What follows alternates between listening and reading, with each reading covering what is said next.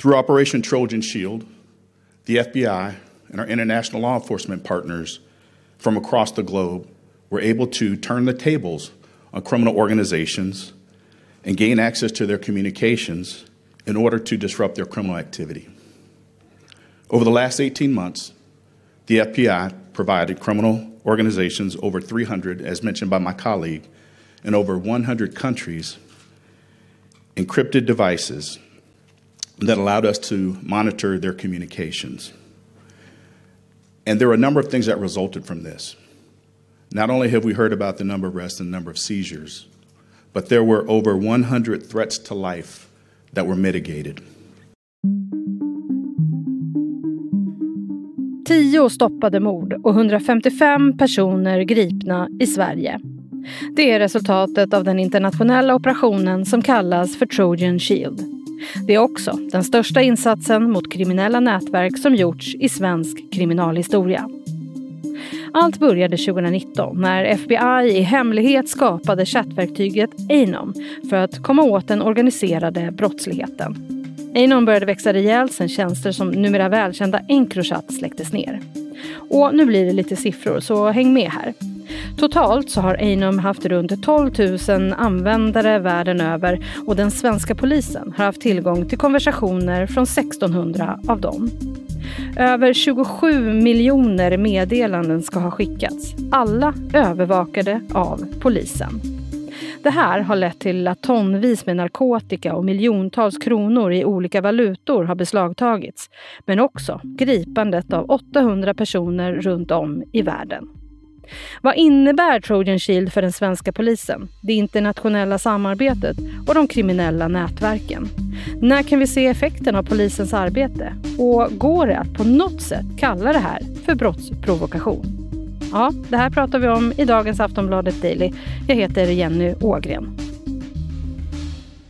Och jag har ringt upp Oshin Cantwell som är nyhetskolumnist och seniorreporter på Aftonbladet. Och han börjar med att ge sin syn på Trojan Shield det är en väldigt spektakulär eh, insats. Eh, eh, här har alltså FBI lyckats skapa en egen eh, meddelartjänst eller vad man ska kalla det och erbjudit det till grovt kriminella människor som har nappat.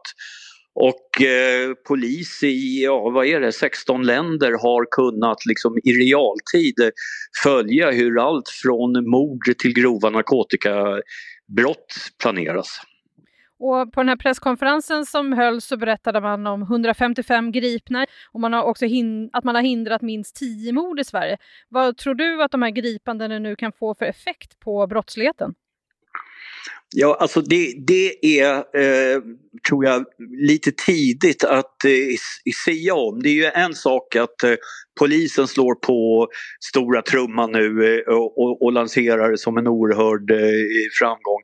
Men det återstår att se ett antal saker. Som exempelvis, är det ledarfigurer som har gripits eller är det hantlangare? Eh, hur starka är bevisen i slutändan? Kommer det hålla för åtal och fällande dom? Och så vidare och så vidare. Och sen då Trojan Shield, Anom som den kallats, har alltså skapats av FBI. Hur kommer det sig att de skapar den här och sen bjuder in bland annat Sverige? Ja, det här handlar om att Encrochat eh, och andra liknande meddelartjänster tidigare har hackats av eh, polisen och då uppstod ett eh, tomrum som eh, FBI intelligent nog utnyttjade. Eh, en ny tjänst skapades och erbjöds eh, eh på den i, undre marknaden eh, i den kriminella världen och eh, ja, som synes så har om jag minns rätt från den här presskonferensen kanske eh, drygt 200 kriminella organisationer nappat. Det är ju rätt speciellt och det är sånt som man också kan fundera på eh, de som tror att det här, eller kan säga att det här är en brottsprovokation och att det är ett intrång i, intrång i människors integritet. Ja, jag har sett eh, spekulationer i att det skulle kunna handla om en eh, brottsprovokation, det vill säga att lura människor att eh, begå brott. Och eh, det är ju inte tillåtet i Sverige. Sådana bevis eh, eh, brukar, eh, brukar domstolar göra tummen nerför. Det finns ju ett väldigt spektakulärt fall i Sverige stöld av bland annat en Rembrandt-tavla från Nationalmuseet för eh, 20 år sedan. Det slutade med att några figurer som försökte sälja den där tavlan eh, genomförde försäljningen till några undercover-poliser. Och eh, det i slutändan innebar att eh, de gick fria. Högsta domstolen i Sverige underkände den där bevisningen. Men jag tror inte att det här handlar om brottsprovokation. Jag menar de här figurerna som, som eh, har planerat sina mord och eh, handlat med hash och eh, kokain och allt vad det nu är. De hade gjort det alldeles oavsett om de hade den här möjligheten att kommunicera eller inte. Det här är snarare bevisprovokation och eh, det är tillåtet i Sverige. Och vad säger du om människors integritet då? Ja, det där är en viktig aspekt. Den får vi i, i, i, inte glömma. Eh, eh, eh, jag tycker att vi ser, och jag är inte ensam om att vara kritisk på den punkten, en långsam uppluckring av rättssäkerheten och i, integriteten. Dock så är jag inte alls säker på att just den här operationen på något nämnvärt sätt är ett ingrepp i, i människors integritet. Sen var du inne lite på det här med Encrochat eh, och att eh, det är ett verktyg som användes för att komma åt kriminella. Man har också diskuterat mycket om bevisen som kommer därifrån ens kan användas i rättegångar och sådär.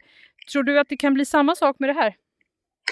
Ja, vi kan nog se någonting liknande. I Encrochat där har vi redan sett en eh, hovrättsdom som ledde till friande därför att åklagaren inte hade särskilt mycket annat än Encrochat att luta sig mot. Och problemet med den bevisningen är att eh, eh det är lite höjt i dunkel hur fransk polis överhuvudtaget bar sig åt för att eh, eh, eh hacka eh, Encrochat-servrarna. Eh, Så jag tror att vi kommer se fler friande domar i kölvattnet av Encrochat om inte åklagarna också har god stödbevisning.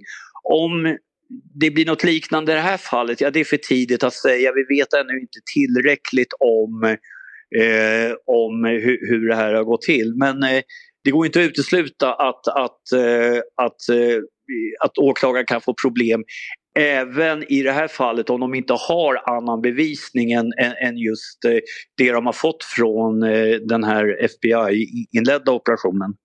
Så Oshin, eh, vad innebär nu då Trojan Shield för den svenska polisen? Alltså det här är, hur vi ens vrider och vänder på det, en framgång. Och det är också ett bra betyg för svensk polis att eh, att, att svensk polis är ju tillsammans med polisen i Nederländerna de två polisorganisationer som har eh, skött den europeiska delen av den här utredningen. Och det är klart att det är ett gott betyg åt, åt, åt eh, Sverige att det finns den tilliten till svensk eh, eh polis. Vad det leder till i framgångar i form av liksom krossade kriminella nätverk, lagakraftvunna domar och så vidare, det är alldeles för tidigt att säga någonting om. Ja, det var precis det jag skulle fråga, hur du trodde att det här kan påverka de kriminella gängen i Sverige framöver? Ja, ett, det, det, är klart att det på något sätt är ett slag mot dem. Och, och, och det är även Encrochat. Eh, hur stort slaget är, hur, hur, hur svårt de skadas, de här ligorna, det, det vet vi ännu inte. Eh, det finns ju dessvärre en, en ganska påtaglig återväxt i de här organisationerna.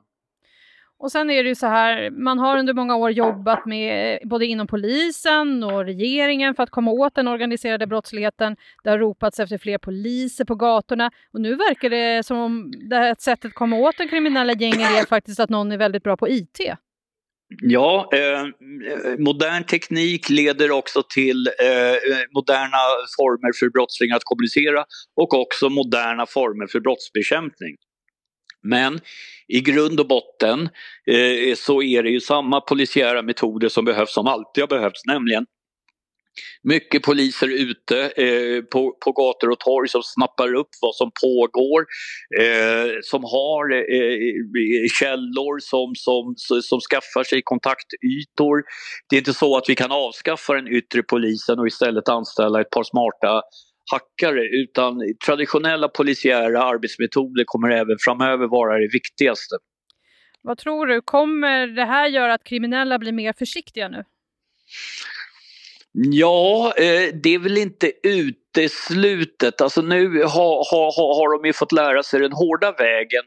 Dels idag och dels genom Encrochat att, eh, att eh, de måste vara försiktiga. Det vi troligen kommer se är nya metoder som tas fram eh, kriminella metoder och de kommer väl också hackas. Kanske blir de också mer försiktiga, kanske övergår de till fysiska möten eh, i, i, i, i verkligheten för att kommunicera och så vidare. Vi får se. Vad tror du mer kommer hända kring just det här framöver? Ja, vi kommer få se en förnyad eh, politisk debatt om så kallad eh, preventiv avlyssning. Eh, den, den, här metoden som fransk polis exempelvis använder till Encrochat, den är inte riktigt tillåten i Sverige. Exempelvis Moderaterna och Sverigedemokraterna kräver eh, att, att eh, eh, lagändringar. Regeringen har hittills eh, stått emot. Nog kommer vi få att, att, att, att, se den debatten en gång till, det tror jag. Tack för idag Orsin. Tack ska du ha. Sist här hörde vi Orsin Cantwell som är nyhetskolumnist och seniorreporter hos oss på Aftonbladet. Jag heter Jenny Ågren och du har lyssnat på Aftonbladet Daily. Vi kommer ut med nya avsnitt på vardagar och vi tar upp aktuella ämnen varje dag. Du får väldigt gärna följa oss i din poddspelare så missar du inga avsnitt. Vi hörs snart igen. Hej då! Du har lyssnat på en podcast från Aftonbladet. Ansvarig utgivare är Lena K Samuelsson.